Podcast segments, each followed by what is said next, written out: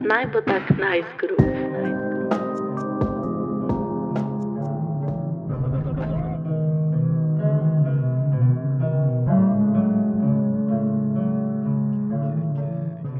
Če je eno sporočilo, ki ga jaz nisem želela iz te epizode vam predati, je to, da je interdisciplinarnost ena lepa stvar in da so bagri noro kul. Cool.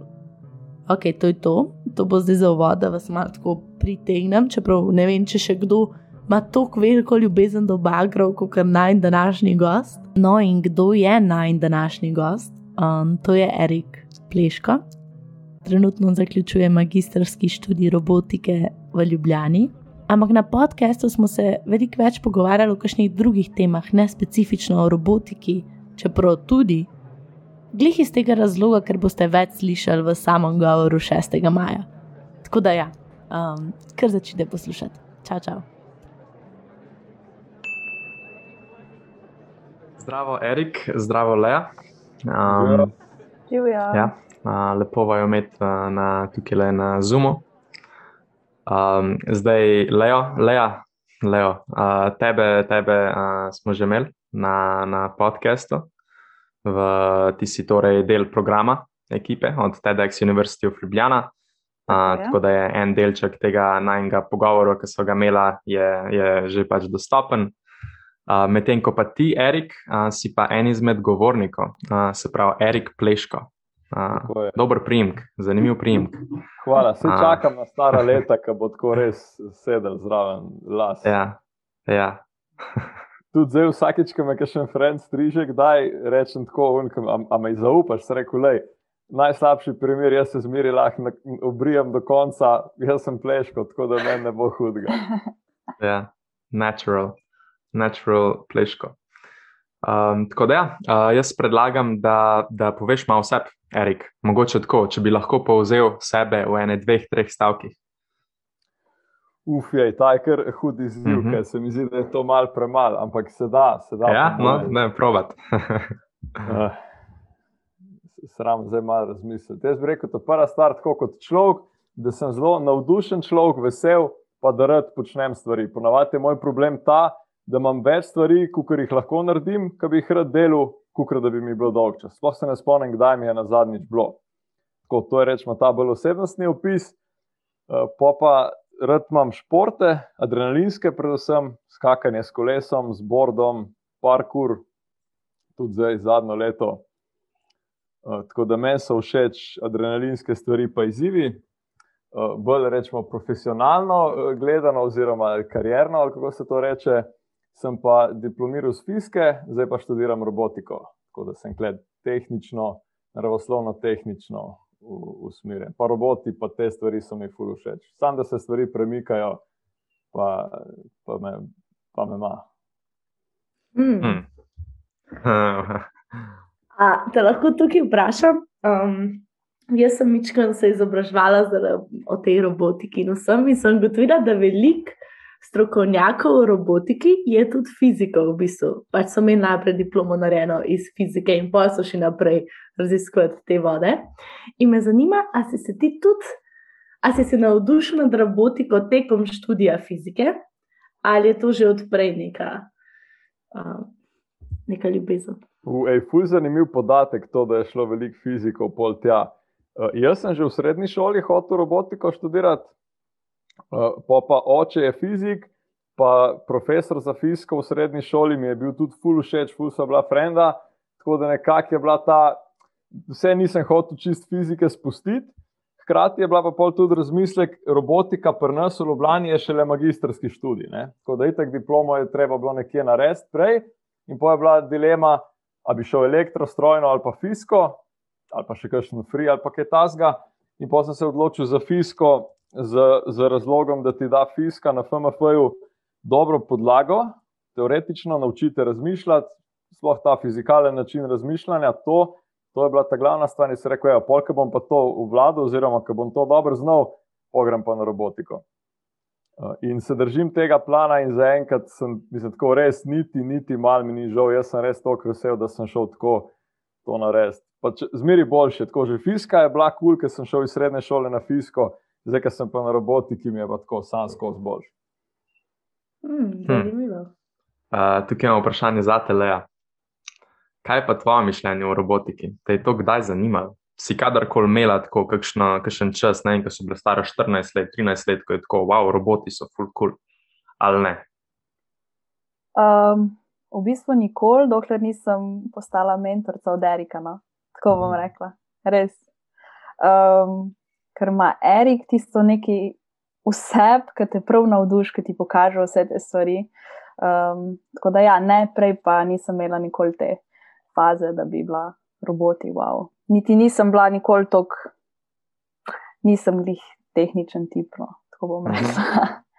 Um, Kako pa je bolj tukaj prišel ta izziv, ki si kar naenkrat uh, dobila Erika v roke, zdaj pa boditi njegova mentorica, Erik pa najbolj tehničen tip z vsemi temi, uh, fizika, elektronika, stvarmi. Um, v bistvu na začetku moram reči, čisto prvič, ko smo imeli tisto snutek, pa je Erik že približno vedel, kaj bo in si on vse to v glavi zamislil za svoj govor. Um, sem se kar malo strašila, no, ker se mi je zdelo vse tako. Um, Mečken še preveč v zraku, in niti si nisem znala predstavljati. In ja, mi je bilo kar težko, no, ampak sem pol malo raziskvala, brala, tudi Erik mi je, po moje, eno stvar petkrat razložil, pokazal.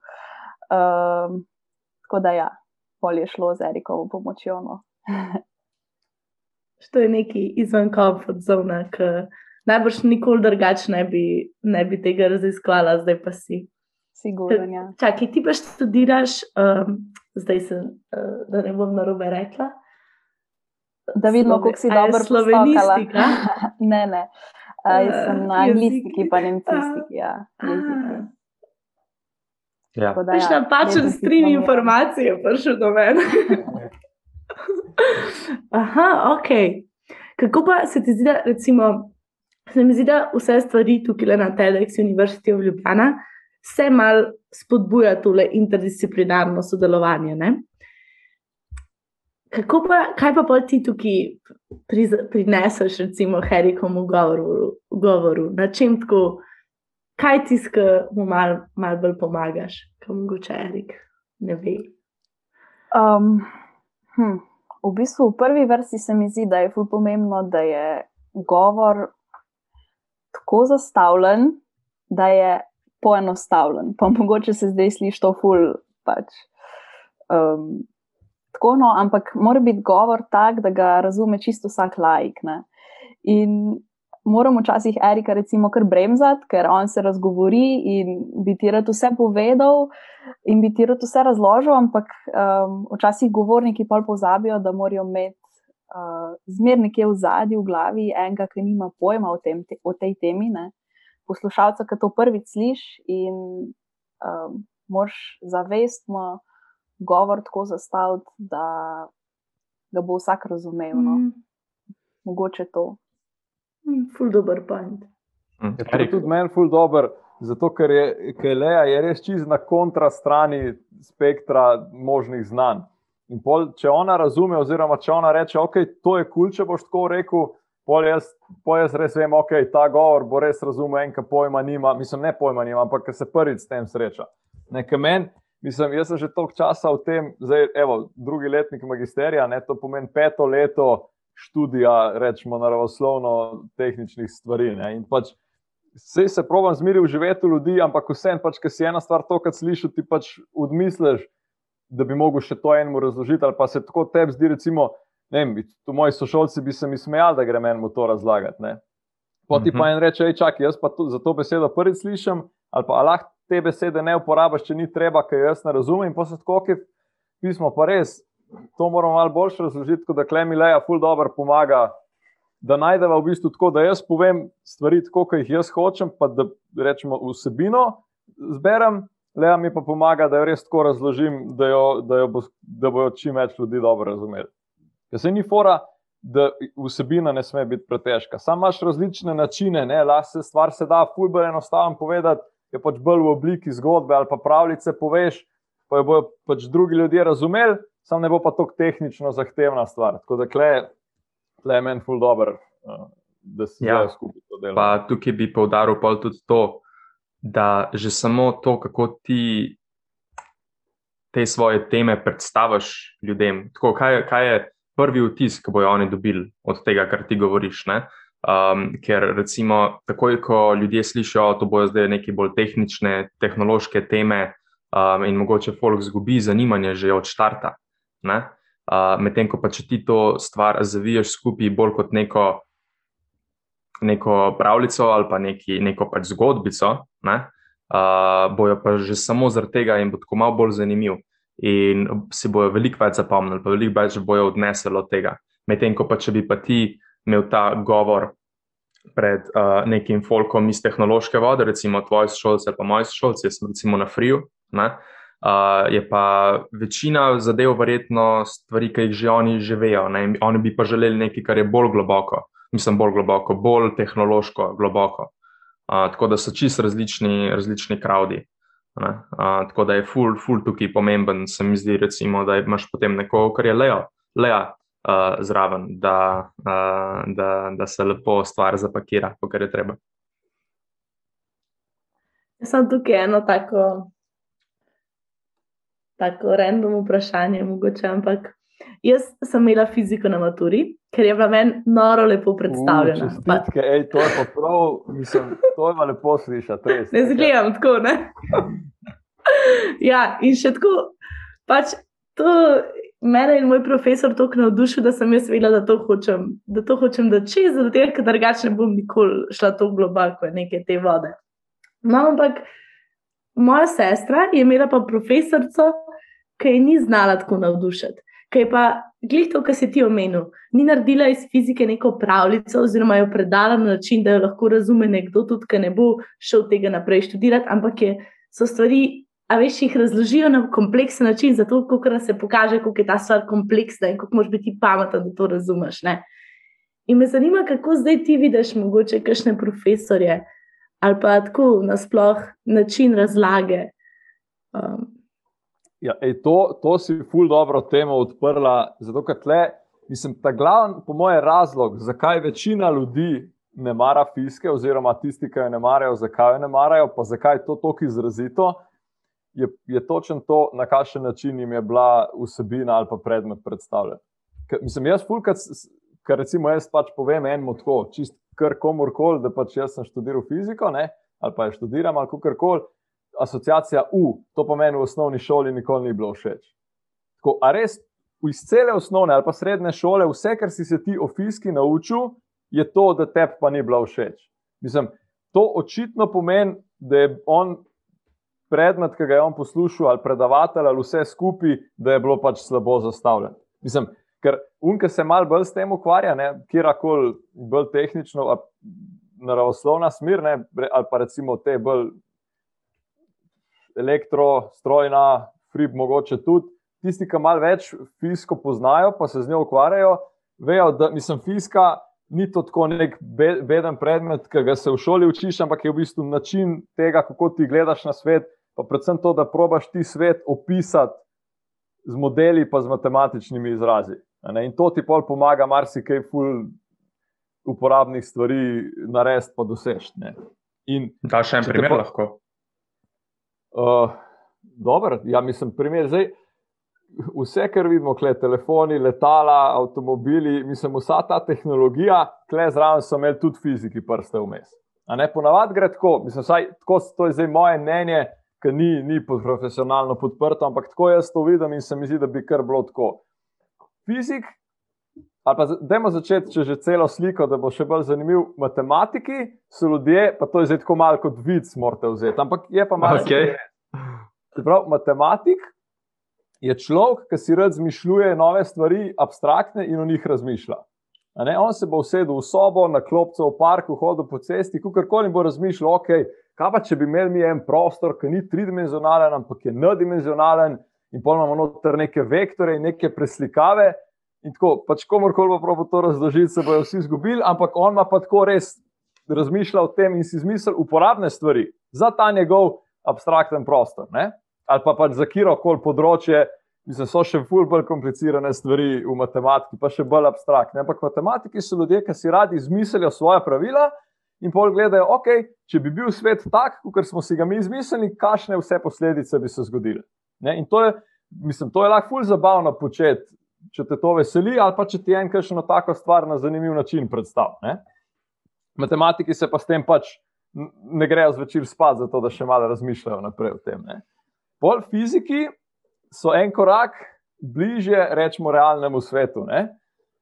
Fiziki so pa ljudje, ki pa so prijatelji od matematikov, hkrati pa opazujejo svet okrog sebe. Ne? In recimo vidijo, da če spustiš kamen, pade dol. In jih zanima, čakaj malo, zakaj pade dol, ali pa kako pade dol, kdaj pade dol, a kjerkoli če smo, a tudi če smo na Luni, a pade isto dol. U ne, na Luni manj hitro dol pade. Čakajte, zakaj, kaj je zdaj razlika? Ne?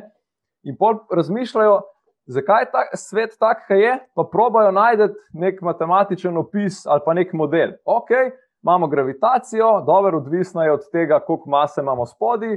In dobro, ker je Zemlja večja, pa ker je težja, se pravi, več mase, bo bolj vlekla kamen dol in bo hitreje dol padel, Luna, ki je manjša, bo pa kamen počasneje dol padel. Evo, in pol, če to znaš, lahko greš rakete v kol streljati. Mislim, pride še veliko veliko znanja, da ti raketo narediš, ki bo letela, ampak recimo, če znaš gravitacijo, pol gre lahko Elon Musk pa zračuna, kako mora raketa ustreliti, da bo prišla gor ali pa nazaj dol. Ne? In ob tem, ko fiziki to delajo, grejo vsake tok vprašati matematika, pa rečejo, hej, ti si zadnjič razlagal, da imaš un n-dimenzionalen prostor. Dej, a mi poveš une formulce, ali pa pač, kar si si izmislil, ker sem pa le en tridimenzionalen prostor, konkretno tri dimenzije, pa rabim malo stvari poračunati. Ne? In mu da, evo, un matematik mu pove, ja, le in dimenzionalni vektori, fizik reče, ok, super, ne je tri, vzame navadne vektorje za naš prostor. Ne? In to pač še na kjerem koli drugem področju, mislim, kako se zvija. Kako se nitka zvija, kako se vrvi deformirajo, kako se elastične stvari deformirajo. Mislim, tako. Pač, Kjerkoli stvar boste zelo pogledali ali pa jo videli, zihar si je kdaj še en fizik zmislil, mislim, se je z njo ukvarjal, pa jo probo opisati, pa razmišljal, kako bi jo opisal. Ampak, tle za enkrat fizik zna samo opisati stvari. Ne? Pa, pa tako rečemo, razume koncepte. Aha, kamen bo padel dol, ok, ne vem, gumica se bo zvila, pa recimo zna matematično zračunati, za koliko se bo zvila, če je idealna, taka, kot je on predpostavil. Ne? Pol pride pa naslednji del, uh, rečemo na tej, v tem prostoru, ne znanstvenikov ali teh ljudi, ki so pa inženirji, to so pa pol elektrotehniki, strojniki, programeri, tudi, pa še so tle, mislim, tudi gradbeniki, pa kaj zdaj. Mislim, tudi kakšen arhitekt, že celo mogoče, mislim, tako tle je res, se razprši to fulj široko in to področje, pa, to so pa tisti ljudje, ki pa dejansko hočejo narediti stvar do konca, da bo delala. In oni rečejo, ok, fizik, daj ti meni, povej, kaj si po gruntu. Kamen pade dol, kako pade dol, pa pa reče inženir, da je pa dajmo zdaj mi probat ustreliti kamen. Ne? Znamo zračunati, ok, proba prvič ustreli, valjda gre čist drugače, zato ker je še zračni upor. Ne? Pa ne vem, ko ustreliš kamen, s čim ga boš, pa kako ga boš, ga boš z elastiko ali s fračo, ali ga boš s modnikom, ali boš dal raketni pogon zadnji. In vse te stvari je na koncu treba narediti. Na koncu moraš ti šraufe dati noter, ki morajo biti lih prav dolgi, lih prav debeli, če so pretanki, bojo se zlomili. Ne, če bo ne toleranca na robe, ker ti bo na soncu zunaj se segrel, ne bo not pasal. In je en milijon enih stvari, ki jih fizika, ne naivno, pač kaj, kamen, vržeš pa leti, kaj zdaj, poševni med, se smo se učili že v srednji šoli. Ne. Inženir, zdaj na kjer koli področju je, pa dejansko pol reče, ok, tle je še fuljenih ovir, ki jih moramo zrihtati, da pol stvar dela. Ne. Na koncu, ne vem, če recimo, ko Elon Musk rakete okoli strela, ne, koliko je pa tam, poleg tega, da so raketo naredili, pa se stavili, koliko je pa pol še programerskega dela, ne, da ti v softver napišeš, klepa nec, ne bo bolj razumel, rečemo, bolečine. Spet, to je pa tudi fiziki, ne, pa pol inženirji si mislijo, dobro, vse. Narediti je težko, ampak kaj enkrat stvar je narejena, softver to napišeš, pa dela, pa gre. Ne? v resnici je tudi pri softveru ogromno enih stvari, ki spet šele takrat pridejo do izraza, ki se začneš s tem ukvarjati. Ne? Evo, ja, to, to je ta nekakšen razpon, uh, kako fizik na stvari gleda, kako inženiri. Uh, in kle, recimo, če bi to te naučili pri fiziki v, v srednji ali pa osnovni šoli, samo to, da bi ljudje približno štekali, ok, fiziki vi to delate s takim namenom, hej, vsaka vam čast, ne, dajte vi to delati, še dobro, da meni ni treba. Tako isto, kot meni folk reče, jo, fizika, ne, to pa jaz, meni ni bilo všeč. Je še dobro, da te ni bilo, zato da jaz lahko to delam, ne, ti pa delaš nekaj drugega, kar pa meni ne bi bilo všeč. Meni pa recimo pisati tekste. Mislim, se, če je kdaj treba kaj napisati, se potrudim, ampak mi je težko, naporen, pa ni mi to zelo všeč, pa tudi nisem to zelo dober. Jaz raje pač šrafen cigar vzamem, pa kladivo, pa gremo. Uh, hm. Tako da, evo, to je nekako, in, in še to je, ne?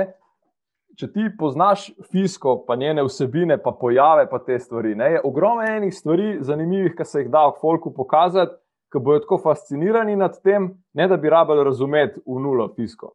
In to se meni zdi, da ti dobri profesori ali pa boljši, ponavadi znajo glih to narediti, da ljudem pokažejo tiste lepe stvari, ne, ne da bi jih preveč morili prej z tistimi ne, enačbami, pa računanje, pa neke suhoparne X, pa Y, pa tam neki gor pa dol. Ja, ja to, je, to, je, to je res zelo žalostno, no? da, da v fizika nekako potem tako konča neka stvar, ko folk nazaj gleda na osnovnošolska leta, kot si pač prej rekel, da pač jim ni bilo všeč, kako je bilo izveden, uh, niso se zabavali na pouku, to jim je bil mogoče najmanj zanimiv predmet od vseh. Um, in, in to je potem edina izkušnja, ki jo imajo s fiziko. Um, to, tako je bilo recimo z mano. Jaz, jaz sem bil na srednji ekonomski gimnaziji, kar pomeni, da nisem imel sploh fizike. Torej, to pomeni, da sem jaz fiziko samo pravi, v osnovni šoli, na friju tudi nimamo fizike. Čakaj, uh, kako ne, neki malega mat. Se pravi, na, na friju sta dve, smer, na sta dve smeri, uh, visokošolska pa univerzitetna, jaz sem bil na aha. visokošolski, tam pa ni fizike. Aha, aha, aha ok. Um, no, in v osnovni šoli je bil um, ta učitelj, ki je imel mene fiziko, se pravi, kaj v šestem razredu, ne, se začne s fiziko, ali, ali v sedmem, Se, mislim, mi smo sedmi. A ni osmi, deveti ali sedmi, osmi, ne, deveti. Ne, se je sedmi, ne vem, ampak ja, skratka takrat. In uh, učitelj je bil, uh, že za sam predmet je začel z enačbami, pa z nalogami iz delovnega zvezka, ne, brez da bi karkoli nas popeljal v svet fizike na tak zanimiv način. In že na prvi uri, že v prvih desetih minutah se je delal, se mi zdi, da neke enačbe za naklon ali nekaj. Um, in, in sploh nisem imel časa razviti tisto zanimanje. Ne? Ker, mhm. recimo, če pa primerjaš, kako je bila pa pouk kemije, meni si te prve tri ure so bili unikulski eksperimenti, ki so res uno, ki si tam s šesti, sedmi razred, te to čisto navduš, tudi če te ne zanima kemija. Medtem ko pri fiski nič ni bilo sploh narejeno. In um, to je bil edini predmet, ko sem ga imel, vedno sem ga imel tri, v devetem razredu pa dve. Um, in nikoli se nisem učil čist nikoli, se spomnim uh, fizike, čist nikoli. To mi je bilo ostudno, prav trauma. Um, učitelj je bil pa isti učitelj, ker je imel mojega očeta fiziko. Uh, čist isti. Oh, je, in, moj, oh, in, moj, in moj oče je imel čist isto izkušnjo s fiziko. Nikoli se ni učil, zdaj pa recimo servisira hladilne naprave. Uh, ker je pa veliko uh, nekega um, električnega dela in mora razumeti te določene fizične, uh, pač, uh, um, ja, fizikalne zadeve. Uh, jaz sem pač programer, ne inženir. Uh, tako da je dosti zanimivo, da smo potem prišli nazaj v te vode, kind of. Mm -hmm. um, ampak ja, moja izkušnja s fiziko definitivno ni bila dobra. Ne? In to je, jaz sklepam, da je večinoma iz, zaradi pač tega učitla. Ja. Mm -hmm. Meni je lepo, lepo Erik, ki si rekel, da v bistvu študij fizike ali pa matematike je tako. Meni se zdi, res ena tak, tako baza za vse pa naprej, kar gradiš, ker je v bistvu sam način razmišljanja. In jaz vedno, ker sem imela veliko prijateljev, ki so fiziko že študirali, malo starejši, sem si rekla, da je zala. Tole, zdaj se boš mogel. To sam nauči, da razumeš koncept, ker gradiš na tem abstraktnem razmišljanju. Pa sem nekje prebrala, da se uh, pač pri človeku pri 15 letih približno lahko začneš ti to abstraktno razmišljanje uh, šele nekako razvijati, pa full oblikovati. In to je bilo meni za dosto, da sem se mučila včasih, ampak niti ne tako veliko. No. Um, hočem reči, da, da je lepo, da, da se mi zdi, da je prav, da se predato naprej, da je sam način razmišljanja, v bistvu kjerkoli faks. Mm -hmm. Sam nek način razmišljanja ti preda, um, na kaj si ti pozoren, pa, pa tako naprej. Ja, to bi bilo se mi zanimivo zajeti tako v, vem, v parih stavkih, kaj je ta način razmišljanja. Ne? To so isto nam inženirjem, so fully cepili, kao nek način razmišljanja in so nam skozi govorili, da je v bistvu to nekako ta temelj um, neke inženirske diplome, da imaš ti neko razmišljanje inženirja. Ne? Ker, in potem sklepam, da, ima, da imajo recimo ekonomisti svoje, svoj ta uh, način, potem fiziki imajo svoj način, um, jezikoslovci imajo svoj način. Um, bilo zanimivo tako poskusiti uh, nekako priti do ene, nekega stavka, ki točno zajame ta način. Ej, to bi bilo ful cool, če bi imel ti, a veš, kaj se v četrtem letniku srednje ja. odločaš, kam boš šel ti naprej. Ne? In so oni, ja. ja, ta faks, un faks, zaposlitvene možnosti. Mislim, jaz tega niti brati nisem nikoli upal. Mm -hmm. Ampak ja. da bi imel ti tako vsak faks, pa res, kot si zdaj rekel, v parih stavkih način razmišljanja. Ker ta glavna razlika med faksi, dobro, vsebinsko tudi, ampak je res ta. Na fiziki je en način razmišljanja, jaz vidim pri moji sestri, ona je pa na biotehnički, um, biotehnologija. Ne?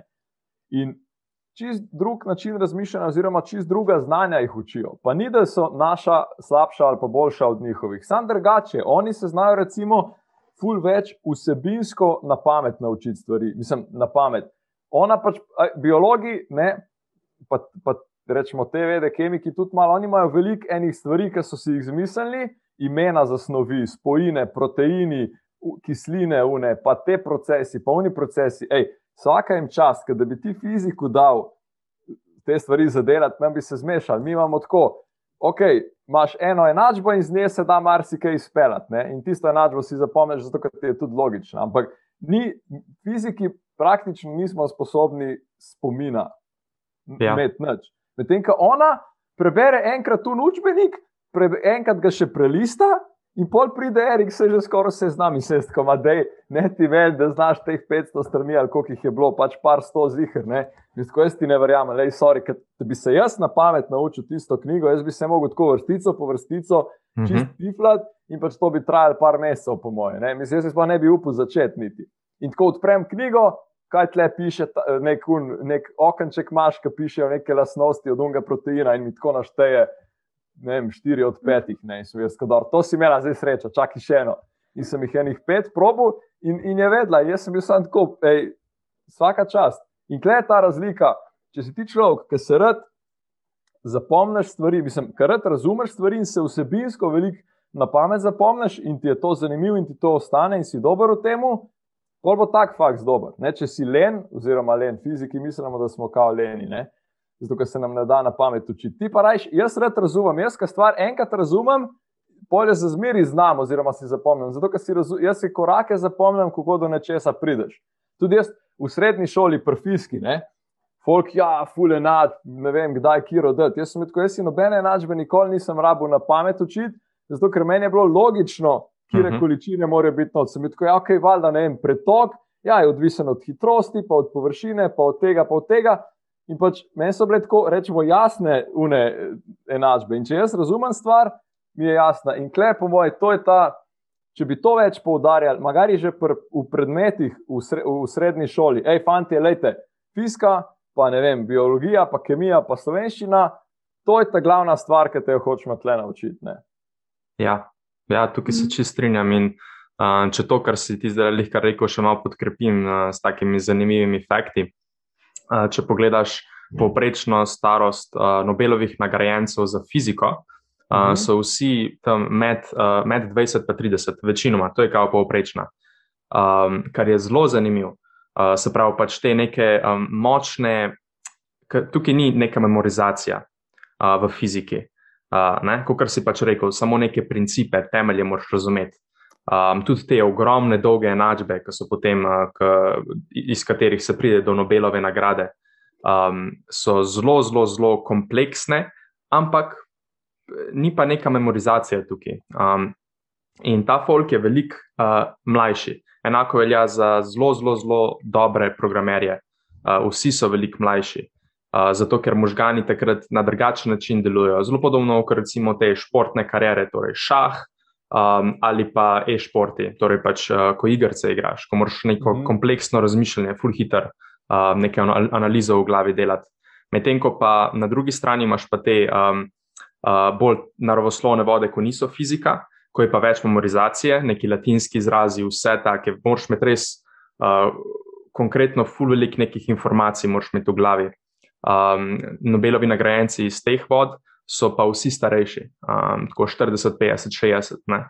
Uh, Medtem ko pa fizikov ne boš kao Nobelovih nagrajencev videl, ko so stari 60 let. Um, zato ker preprosto takrat bojo samo del ekipe, ne bojo več ta oseba, ki vod, uh, ko vod neko, um, neko zadevo, da bi potem bil na vrhu uh, pač in bi on prejel Nobelovo nagrado. To mi je zanimivo, recimo, starost je tukaj ful, um, ful pomembna.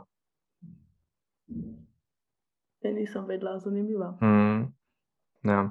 Pa imamo pa tukaj ful zanimivo, ker smo štirči drugačni, mislim, da so drugačne discipline. Leja najbrž pozna učenje na čist en drug način, kot sam z razumevanjem, čeprav jezik je tudi tako, ne moreš se vsega na pamet naučiti, sklepam. Um, ne, ne, sigurno ne. ne. Um, ampak tako opažam pri sebi, da dlje, ko študiram, bolj sem občutljiva na, na vse jezike, nasploh, ki jih znam. Recimo, jaz ne morem, isto kot Erik, ne more videti ne vem, ene stvari v naravi ali pa enega procesa, brez da bi ga on fizikalno vrednotil, pa bi rekel, ah, to je tukaj, pa to, pa to, ne, pač, ne vem, ne znam zdaj povedati. Recimo, jaz točen, ne morem. Točno, res si povedala. Je tako, ne. No, recimo, jaz pa ne morem več. Filma gledati, ki je recimo v angleščini, pa ima slovenske podnapise in ga pač na živce mi gre, če so podnapisi zraven, ker jaz sproti gledam, kako je prevedeno. In pol, če je v redu prevedeno, in kako bi jaz prevedla, recimo, um, ja, to se pol zgodi tekom študija. Mislim, da nam vsem, no, da čist ja. drugač pol vidiš svet okoli sebe in svojo stroko in tisto, kar ti študiraš. Ja, Enkrat sem slišala, opa, kar pa je Derek.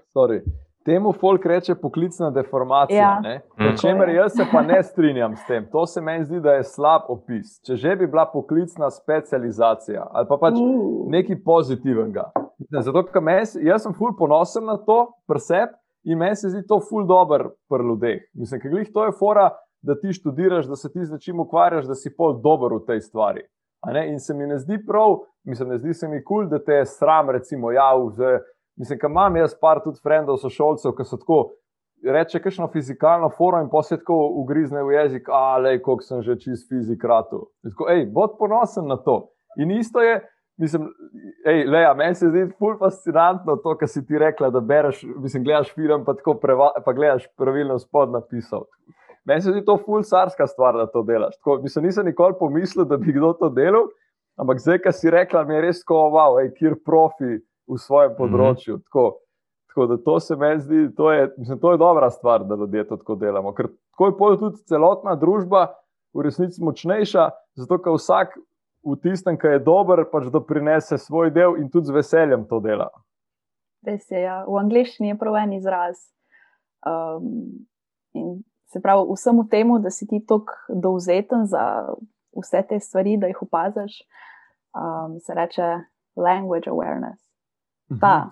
awareness. Oh. In je res. Awareness, Ej, to ja. je ful dobra beseda, mm. to je mm. po mojem ta prava. To se vidi v slovenščini, da smo bolj, a veš, uno, kultura je bolj taka, da je vse neki negativno, fauš, slabo. Uh, Všeč mi je, kako si na pozitivno obrnil, Erik, ker v bistvu je to res, ne tudi interdisciplinarne ekipe bolj delajo, kot um, se pravi, solo, da, da greš ti sam, samo s svojim znanjem, ali pa recimo, da ti najdeš pet svojih somišljenikov, ki isto mislijo kot ti. Najbrž jih boš lažje pre, prepričal za nek naslednji korak, ampak če da pa vsak svoje očala in svojih, svoje strani pogleda, lahko pa pač ful bolj kreativno, ful bolj osem stvari delaš. Strinjam. Zato meni so eni rekli, da vedno moš imeti enega fizika v ekipi. Mm. No, je, je, mislim, jaz sklej, sem zihar zelo pristranski. Zelo podpiram to trditev. Mislim, to, če, če je fizik zraven, pa bo zihar, to bo zihar koristil. Ja, kot fiziki vse znate. Karkoli je, fizik neki ve o tem in on to šteka in to bo zdaj on rešil, le malo bo pomislil, pa bo to, pa bo slušal, pa je to to. Rabeš sploh noč. To, to, to. E, veš, kaj je fora? Mislim, zakaj poli posledica, da fiziki vse kao znamo? Ker mi se ful učimo, dobiš problem oziroma nek pojav ali neki in pol ga hočeš opisati. Ne hočeš narediti model, zato da boš znal kaj napovedati ali kaj izračunati. Ne? In to je lahko zdaj kamen, ki pada, lahko je pa tudi neka fulbr kompleksna stvar. Ne vem, mislim, kako ti bo prodaja izdelka narasla, ali kaj pa je zvem, kako se bo neka kultura razširila drugam. Čisto vse je, kaj ti da, pol en za delati. Ti, ti si navaden, ok, problem, dajmo razmisliti. Aha, te stvari vplivajo, te stvari bojo posledice. Mm, aha, zaradi tega bi se mogoče to zgodilo. Ta na to, da probaš ti štekati, kaj so vzroki, kaj so posledice in kaj se bo s tem zgodilo. Po mojem je to zdaj um povzetek, kaj je najsprej rekel. To, to, povzetek to, to. tega abstraktnega razmišljanja. Se pravi, razumeti vzroke in posledice in kaj se bo pa zgodilo. Kul, cool. To smo prišli do tega. A te lahko nekaj vprašam? Jaz sem videla, da ti zdaj, to zdaj mogoče bo na robe izraz, se upravičujem, ampak sem videla, da se rad s temi kolesi, downhill ali enduro spuščaš in me ja. zanima ki vi gradite te proge. Ne? A ti to tako fizikalno premisliš, kako bo ta skok izgledal? Pa si tako, ja, evo, lej, tukaj lahko še tok se obrne, pa tok skočim, pa ne bom dol padel, ali ti pa bolj tako um, instinktivno. Kako dobro, ful, ful ta pravo vprašanje, pa ful mi je dobro, ker to je pa vsi, ki slišijo, da sem fizik, pa da baj, z bajkom skačem, tako res pol ljudi me to vpraša, če jaz nekaj računam. Ker jaz tudi ful, jaz ful red gradim uh, traile oziroma proge za, za bajk. Sem videl na YouTubu. Uh, pa da, ostokala. Kje si pa to videla, kjer video si gledala? Tam so šest let stari. Ja, vse video. sem pogledala, 8 plus 109 imaš kažne. Mm -hmm. um, ja, uno, ki ste, ne vem, neki ste kopali. Golovcu od vrečka.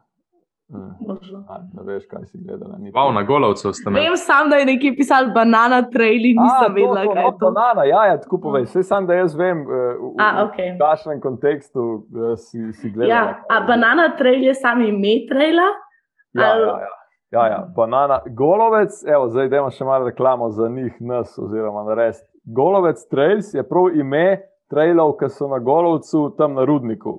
Uh mhm. -huh. In je ne vem, tri, štiri ali pet trailov, koliko, mislim, tako hitro se jih gradi, da ne uspem več šteti, prav dober. Uh, in en izmed teh trailov je banana trail. Tako da, če se hoče kdo z bajkom voziti po gozdu, dol se spuščati, golovec trails, pogooglite, uh, greste tja. En moj prijatelj tam se s tem ukvarja, full, full pač, da se ti kar tako po gozdu furaš, to ni čist, uh, rečemo, temu dovoljeno, pa tudi ni prav, da se ti kar po enem gozdu od enega kmeta voziš. Ne? In je pol se treba z lastniki zmeniti, pa treba z občino se zmeniti, pa legalizirati, pa pol vzdrževati te trele in to delajo te moji prijatelji na golovcu. Jaz pa pol pomagam fizično kopati vsake tok. Fizično ali no, fizikalno? E, bravo, no, to je vprašanje. Bolj, bolj fizično, Fizikalno, prav jaz nisem še nikoli šel računati za res, za kakšen moj skok. Mislim, da bi jaz najprej po računu, pa pol na podlagi teh izračunov zgradil uh, progo ali pa skakalnico. Uh, zato, ker z, z, jaz sem začel kopati uh, skoke, oziroma v devetem razredu osnovne sem začel, te prve skoke kopati, pisem delati. Jaz, jaz sem živel na krasu v majhni vasici. Uh, in pač jaz, če se hotel z bajkom se voziti, si mogel sam progo skopati. Ne? In pač sem gledal malo na YouTubu, uf, fanti skačejo, da jaz bi tudi si pač naredil svoj skok, uh, pol ga povečal, ga še povečal. In pač tako da jaz, ko sem začel z bajkom skakati, sem tudi začel eh, graditi skoke. Oziroma najprej sem ta prvega zgradil, pa sem začel skakati. Uh mhm. -huh. In pa sem celo srednjo šolo, tudi večino prostega časa porabil v gozdu z lopato, ne je bilo to fuldover. Eh, in tam je bilo pač tako po feelingu, vse te prve par prog, ki sem naredil, so bile čist na robe. Pač v Ving, gor v hrib, pa preoster v Ving, pa prekratek skok, pa prenahiter, ker sem se probil spustiti z bajkom, pač sem rekel, ok, ta trail cel je za brez veze, gremo no, na nov delat. Ne? In pa sem dobil počas feeling in ti itak, se, mislim, intuicija, ti v bistvu, se to vsi ljudje delajo, sam se tega ne zavedajo, ti znaš fulene fiske. Ne, ti, ki se ti zdrsne, pa se ujameš. Ne, ti v bistvu zračunaš, kako se bo tvoje telo gibalo, kako moraš ti z roko zamahniti, da se boš ujel. Ne. In če me vprašaš, to je fiska. Ne. Sam ti znaš to podzavestno narediti v delčku sekunde, podzavestno ali pa ne vem, mišični spomin, da se ti ujameš. Ne. In klej isto polka skoke gradiš, tudi dobiš ta feeling, ki po mojem ima noter fisko. Ne da ti vidiš skok, pa vidiš hrib, pa rečeš, ok, tle se bom tako hitro dol spustil, pa približno tako daleč bom šel. Pa polk, greš dejansko z bajkom skočiti, ki si na vrhu kalence, tudi približno vidiš, koliko hitro greš, pa koliko se moraš odriniti, pa še malo v zraku popravljaš, da pol lepo sfuraš vse. Ne? In je v bistvu to, da jaz rečemo podzavestno uporabljam fisko, medtem, ko sem na bajku. Ne?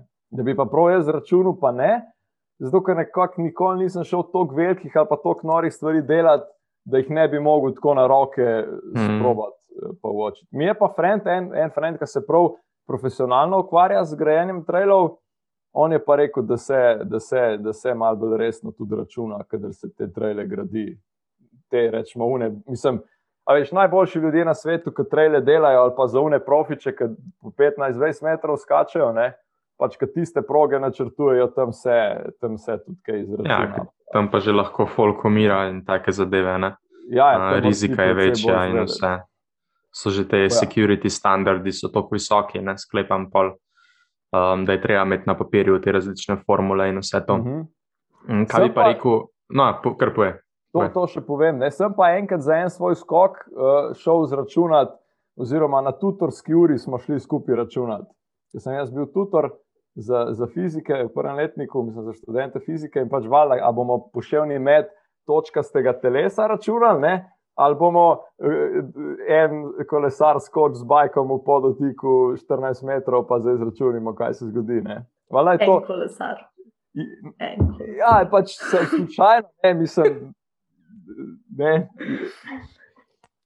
Vse uh, to črpaš na vdih iz svojega življenja. Ja, in, pač, in tudi fora, mislim, pač to je ful bolj zanimivo, ker tudi folk vidi, oh, wow, hudo, ne, realna zgodbica, bolj zabavno. In smo šli pol zračunati, koliko, če, če ti v zraku zabremzaš, koliko te bo naprej začel vrteti zaradi tega. Če je dost, da se sam s tem poravnaš, ali moraš ti že, ko se odrineš, se prav naprej, uh, rečemo, mm. temu, rahlo nagniti. Čak, rekel si v zraku, Zakar... zabremzaš. Ja, pazi, ne, tebi se vrtijo gume naprej, ki ti skočiš. Ja. Ja. To motocross je še ful bolj izrazito, oni lahko ful več si prvoščijo. In ti, zdaj, če se spomnite, ti, ki nisi imel fizike, se ne boš, ne, ampak vrtilna količina ali pa ohranitev vrtilne količine, če ste kdaj kje to slišali. Ne.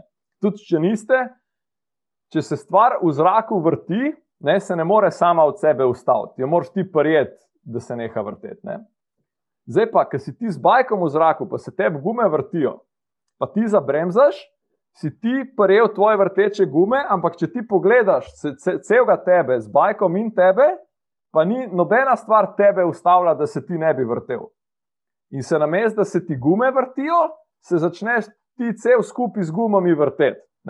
In v bistvu gume so se prej ful hitro vrtele, ker jih ti zabremzaš, se pa vse skupaj počasnejš, ampak vse začne naprej vrteti. Mislim, gume se upočasnijo na račun tega, da se vse skupaj začne hitreje vrteti. Ne? In recimo motocross, oni imajo teže gume, ne? Pa tudi um, hitreje grejo, in kadar on zabremza, lahko še bolj spremeni, mislim, še bolj ga začne naprej vrteti, kadar da pa gas, ne? je pa glih kontraefekt, pa on gumo začne vrteti. Na račun tega, da začne njega nazaj, nazaj vrteti.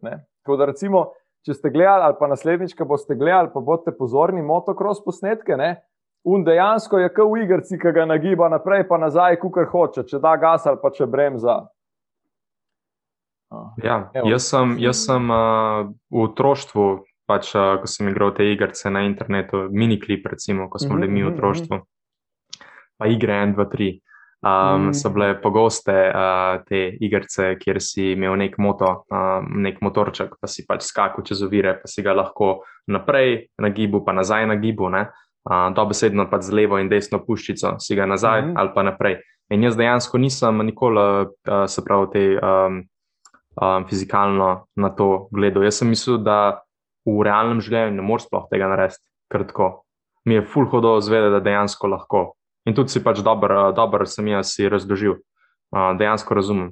Se pravi, ti lahko dobesedno s tem, da ali zabremzaš, ali pa da daš gas, pač preneseš um, uh, v bistvu to um, neko energijo ne, v to, da se pač ali naprej daš, ali pa nazaj. Uh, kar je, je logično, ne. Ful, uh, ful zanimiv, ful hodo. Huh. Um, kaj bi pa rekel, da tep specifično da pač motocross, se pravi, mislim, motocross, uh, skoki z motorji oziroma uh, downhill, karkoli pač uh, te tukaj zanima, pač, ker, ker to je nek adrenalin. Ne? Ja, um, ja meni je tako, tle imaš ful enih stvari, oziroma ful različnih uh, zdaj, potreb ali zadoščen, mi te stvari dajo. Ena je ta, da kad to gledam, mi je zakon gledati. Ne, tako da jaz, recimo, tudi kot kolesar, sem vsem dost motocross posnetkov gledal, te freestyle, ki skačejo, ker mi je bilo pač hudo, kaj folk dela z motorjem v zraku. Ne. Ali pa gledam bajkerje, kaj delajo, ali pa gledam v živo kolege, kaj delajo. Tako da to čist. Polka si toku temu, imaš pač svoj okus in je, ne vem, en trik ti je full všeč in pač, ki ga vidiš, si vas vesel, ali pa en tip neki novega proba, ali pa en skok po stran skoč, pa si tako, o, kreativno, full over. To, to je ena stvar. Druga je pa, ker jaz dejansko sam vozim, uh, oziroma skačem, oziroma furam. Mi rečemo, če greš z bajkom tako bolj po gozdu, se vozi, rečeš, da si šel furat. Pa se yeah. Ja. razume. Uh, je pa ta, ta uh, adrenalin. Pa ne tako uno, da bi zdaj hotel adrenalin za vsako ceno, pa da bi šel po robu nebotičnega hoditi. Ampak je bolj to, da imaš ti, to, to po mojem najlepši pokaže ta pristop, kako jaz gledam na bajkanje imaš en skok, ki je mal večji, kot nekaj, kar si že kadarkoli skočil. Ne? Recimo, ti si skočil 5 metrov, zdaj priješ pa nekam, pa je en skok 6 metrov dolg. Ne? In vala si ga ne upaš iz prve id skočiti, zato je pač to večje, kot bi ti. Ne? Ampak, ko gledaš za let, pa skok je pa širok, je pa lih prav, tako nekako se ti zdi, da, biš, da bi ti bil sposoben to skočiti, ampak nisi pa čist zihar, da bi to šlo ali ne. ne?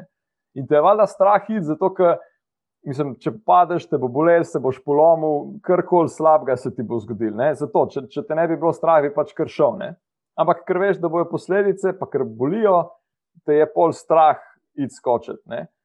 Ampak vsem si pa na meji tega, da, da se v bistvu ti boriš s svojim strahom in ga probaš premagati, in probaš iti vsem skočiti, probaš tako skočiti, da ti rata, in na koncu, ki ti rata to na nov skočiti, si pol ful vesel, pa ful ponosen na sebe in imaš to zadoščenje. -hmm. Da si v bistvu prej si dobil dozo tega strahu ali pa adrenalina, ne na koncu ti je ratal, ti je pa nekako poplačal, si pa potešil to, uh, to dozo odprej. In meni je ta, ta del, se mi zdi, to mi je najljubši del pri bajkanju, da greš neke nove stvari, ali večje, ali teže, ali bolj tehnične, uh, probati ali skočiti ali sfurati. To mi, je, to mi je dobro razlagano. Sem je ponovadi folk vedno na to vprašanje, reče pač, da jim je adrenalin tukaj všeč. Um, ja, meni se zdi, da je to čisto drugače povedal. Specifična ja, oblika ja. adrenalina za celim kompletom. Jaz sem tudi full rad, mislim, meni je všeč imeti izziv in na koncu uh mhm. -huh. ti ga uspe rešiti in, in dobiš zadoščenje ob tem, ob tem ki si, si ga rešil. Poleg ja. tega, da pri pr bajkanju oziroma pri kolesarjenju je meni tudi pač. Včasih imaš pa bolj tak dan, ti je pa sam dober voziti, pa skačeš v ne skoke, ki jih itak že znaš, ne? pa te ni zdaj neki hudo strah. Mislim, so stvari, ki jih grem jaz praktično brez adrenalina odpeljati, ki si jih eni pa ne bi upali, ker pač ne, imamo različne nivoje sposobnosti in strahu. Je pa sam tako za užitek. Meni je dober, ker sem v zraku. Ta feeling, a veš, ki ti letiš, pa padaš dol, to je meni men tako res dober. Ne, tle, tle je pa pač čist sam to. Tako kot če greš na trampolin skakati, tu del, ki si v zraku, ki je res tako čist neki drugega. Uh, in in pri bajku je isto. Ne. Pa pol te še malo trese, pa v ring, pa dol, pa po lukencah. Pa to, da, pa to mi je tudi ful všeč, ker me pol folk kao, ja, ti bi mogel pol še ne vem, plezati, pa neki drugi športi, pa taki. Meni je bajk všeč, tako ker se mi zdi, da je dinamičen šport, ker se hitro stvari dogajajo. Ker se ti dol voziš ring, drevo, skok, pazi kamen, pa spet zavijaš. zavijaš. Medtem, recimo, plezanje, ne? grem kdaj s frendi plezati, je ful drugačen način. Se je tudi tam adrenalin, ki probaš nekaj novega splezati ali pa skočiti, ali pa ne vem, greš v, v skalo plezati, pa si 20 metrov dolje, pa pač gost pod tabo. Ne? Ampak nekako tam meni manjka ta dinamičnost, da veš, da bi se ti hitro stvari dogajale. Uh -huh. To pa najbolj tudi te smočarske skoki, kot si prej omenil, ali bordi.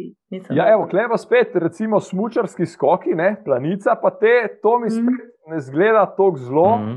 za me, mislim, me ne potegne tok, ker se mi spet zdi, da je nekako prepočas, pa prehiter je konc. A veš, se spusti dol, pa pa leti, leti, leti in pristane. Bum, in to je ja, to. Sam leti res full časa. ja, veš, ta razlika, to, ja. to je res, ampak pazi, ne, kleva spet. Vsakem čast, pa zihar mora biti to tudi dobro, ampak ni pa meni to tako zelo všeč. Ker tudi, recimo, moja sestra s padalom skače ne? in je tu, da je dejeri, ki bi ti začel, ker jaz pa bi, bi, bi mi da skupaj hodila in tako, ne? ona valjda ful zad, da bi jaz začel. Ampak meni s padalom skakati, čeprav se reče skakati, ne? Pa z bajkom skakati je čez neki drugega. Zato, ker ti s padalom, ko skočiš, ti dejansko letiš. Ne? In letenje je to, da se pač ti voziš po zraku z konstantno hitrostjo, če mi dovolite fizikalne izraze uporabljati. In medtem, ko pa ti skočiš s kolesom, ne, je pa gibanje enakomerno pospešeno. Ne? Zdaj za vas malo eh, uporabljam te izraze. Pravilno, ampak pravilno. Ne. Zato, ker paste, ne, kaj je fora.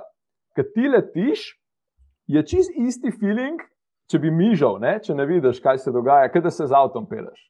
Ne, pač ti se peleš naravnost in to je to. Ne telo ne čuti razlike. Okay, valjda, ej, če ti sediš v enem stolčku na padalu, nekje nad Storžičem, ne, pa gledaš dol, razgled, to more biti zihar bolano, to tudi jaz probu enkrat. Ne. Ampak ta, kako pa če telo to čuti, je pa drugače, kot na bajku. Ker ti z bajkom skočiš gor, pa, pač ta čas, ki si v zraku, telo dejansko čuti, da ti padaš. Ne? Zato, ker se ti skozi, skozi, zdaj, Uh, ti, ti v bistvu počutiš se, kot da si v breztežnostnem prostoru, podoben način. Ne? Zato, ker ti ne čutiš teže. Ti, če sediš v avtu ali pa v padalu ali pa v letalu, ne, tebe skozi stol podpira. Medtem, in pač ti sediš s svojo težo na riti ali na nogah ali kjerkoli že. Medtem, ker si pa ti na bajku v zraku.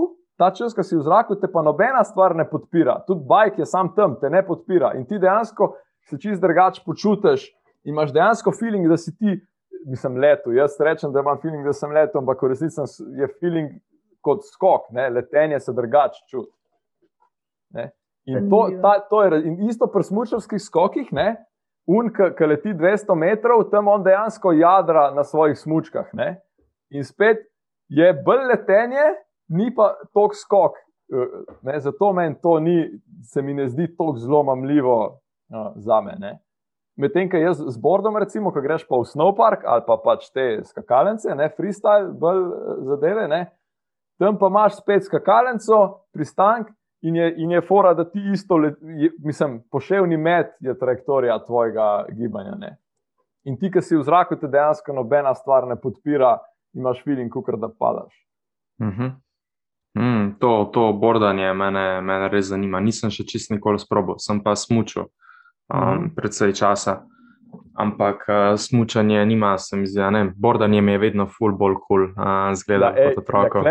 Mislim, tako, smutanje in bordanje sta tako hkrati zelo podobna športa, hkrati pa zelo različna. Moj najboljši uh -huh. prijatelj smuča in je full dobro, ker gremo mi dva skupaj uh, smučati, veliko hodva, uh, letos nisem tako, no, ampak sva uh mhm. -huh. drugače velik, skupaj hodila in je full dobro, ker on ima čez en stil on ima tudi eh, smuča, pa pač res karving in ti res lepo karva.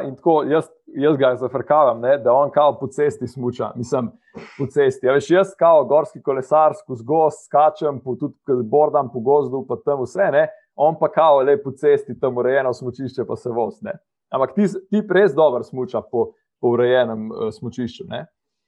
Uh, in res lepo karva, in tako pač užite ga gledati. In ful dobro, ker pol je on mene zmeri eh, vleku, mislim, vleku, motiviral, da so šla na une proge, ki so bile ful lepe za karvat. In zdaj, če sem jaz že bil tam, sem pač jaz tudi mogel, mislim, mogel, sem pač karval tudi jaz z bordom. Ne? In je v bistvu on mene ful naučil karvat dobro z bordom, oziroma ker me je pač tokrat vzel, mislim, vzel tokrat je, sem šel jaz med drugim tudi zaradi njega na take proge, ki so bile dobre za, za karvat. Uh, Medtem, ker jaz sem pa njega naučil skakati, zato ker sem pač zdaj pejal tudi malo v snowpark, ne, in tudi on je bil, ej, zdaj sva zjutraj sva šla na rebrca, popoldne gre pa v snowpark, ne, in pol je bil on tam in kaj bo zdaj, ja bo skakal, ne. In, in, in sem jaz njega, mislim, učil, pač sem mu, evo, lej pejt na ta skok je najlažji, boš le videl, ne, pa pazi, ne se nač nagant, lepo se udrin, ker ta način, kako se skače, ne, je pa enak na bajku, na skiroju, na bordu, na smučkah, posod je zelo podobna fora. Ne? Okay, zdaj razlika je, ali ti držiš balanco ali imaš roke v zraku, ampak ta način, ko imaš skakalnico, kako se lepo udrineš, da boš čim višji skočil, pa da boš lepo pristal, pa da bo čim bolj varno, pa pod kontrolo, je pa podoben posod. Ne? Tako da, evo, uh, smučanje in bordanje je ful podoben, pa ful različen hkrati. Pa smo Je spet pri tej interdisci- Ja, interdisciplinarnosti. ja, ja, ja. Ej, To, to je pa tudi meni eh, ful všeč. Jaz na splošno tudi pri bajku imam rad ful enih področji kolesarjenja. Ne? Tako ti si zdaj omenila, ja, downhill skozi gost. Imaš, jaz se spomnim, v osnovni šoli, meni se zdi že, sem imel govorni nastop v angleščini o mountain biking, je bilo naslov. In sem razlagal različne discipline uh, mountain bikinga. Ne? Pa od takrat do zdaj jih je, po mojem, še vsaj dvakrat več. Ne? Imaš downhill, enduro, all mountain je bilo še takrat, four cross, dirt jumping, uh, pa to so samo gorska kolesarjenja, ne? pa slopestyle je še, pa še so. Ne? In lej, pač, a veš. Vsak, ki se je malo drugače spomnil, kolesar je pač poimenoval disciplino in se je pač to razvil. Ne? A veš, tako imaš, lej, vse pri smučanju, ne, to mogoče je bolj splošno poznano. Ne, alpsko smučanje, imaš vele slalom, mali slalom, un smuk, pa meni se zdi pač smučke, pa gremo dol, kaj zdaj, kaj komplicirate. Ne? In, in, in bajk ima isto fuljenih področji, ker pač ti se lahko po kamnih dol voziš, ne, pa tekmuješ, lahko imaš skoke. Lahko imaš naravnem skoke, pa jih enega za drugim, sam skačeš, pa ti je cilj v zraku trike delati, in pač odkle gre pol so čisto različni športi, čeprav vsi bajk uporabljajo. Ne. In meni je ful dobr trike ali pa znanja iz enega področja na druge prenašati. Ne. Da ti recimo se naučiš trike, pogreš pa na neko downhill tekmo, pa je tam en skok in pol tam trike mečeš. Ne. Recimo. Ali pa obratno, ne vem, da pač ti znanje iz, iz downhilla, da si upaš pač pelati nekje dol, ker si folk peš ne upa, preneseš v eno drugo disciplino in si pač tam boljši, eh, pa se znaš kje dol spustiti, ker si recimo drugi ne upajo to, ali pa ti recimo z pol slabšim bajkom, ali pa ne slabšim, recimo z. Uh, Tako imaš kolesa za po makadamu, ne pa kolesa za enduro, ki je že tako po kamnih, pa po koreninah. Ampak če ti dobro znaš s kolesom se pelati, greš lahko z unim bajkom za po makadamu tudi enduro potke voziti. ne. Mhm. Seveda, boš slabši, kot z, z namenskim bajkom, ampak se vsem da, pa, da se uživati. Tako da, evo, klemen, jaz probam interdisciplinarnost uvaliti noter, kjerkoli gre. No, če gremo zdaj nazaj v eno izmed prejšnjih disciplin, robotika. Zakaj točno te roboti uh, zanimajo, pa kako si recimo prišel uh, do tega, kdaj te je prvič začel to zanimati? Ja, ja meni pri robotiki, nekako nasploh, se mi zdi, najbolj mi je to kul, cool, ker se stvari premikajo. Pa tako nekako na nek tak način se premikajo, ki je meni všeč. Da se- Dinamičen. Pa, pa še to, da se recimo same od sebe premikajo. Ne? A veš, da ni, ok, Kot z avtom se vozimo, ampak Mhm. pač ti voziš volan. Ne? Ali pa ne vem, um, bager je, jaz imam fulurad bagre. Uh, evo, zdaj imate, lejte tle, to mi je za rojstni dan en kolega dal. Hmm. Bager. No, pač ba, uh, bagri so meni fulu všeč, valjda, ker se da z njimi trele kopati in tudi uh, fulurad z bagrom kopljem trele in pač to je tako moje najljubše vozilo na svetu. Ne? In, ful, in, in- še to, ne, da boste bolj štekali. Ej, ti sediš v, e- na enem stolčku v eni kabinci sred gozda in imaš tam dve, dva joystika, pa še več jih je kot dva, no, ampak dva sta ta glavna. In pač ti malo une ročke premikaš, in ena gromozanska, ne vem, en meter široka kibla se premika okrog. In pač ti tako sam naprej daš ročko in zariješ tisto kiblo en meter v zemljo. Daš ročko nazaj in ti en kubik zemlje dvigne in ti ga pač nese tja, ki ti pocilaš. In sam ne mi reči, mislim, kako bi to lahko ti ne bi bilo dobro. Ja, Erika, to zdaj pomeni, da imaš ti bager doma. Ne še. Ne še. Ampak, ja, mislim, bi jaz bi ga čisto totalno imel. Lej, ne, a veš, študentsko življenje je vse nekako in finančno, in prostorno, ni glih za bagre ugodno. ne. Uh, ampak ima mama ima doma priključek za na traktor, ki je uh, tisti uh, tak en zelo mehen, ampak je bagerski priključek, se da z njim kopati. Tako, to je recimo na pol poti tega, da bi imel bager doma. Ne. Tam to rabiš izpit, ne? Ja, Ja, za vprašam.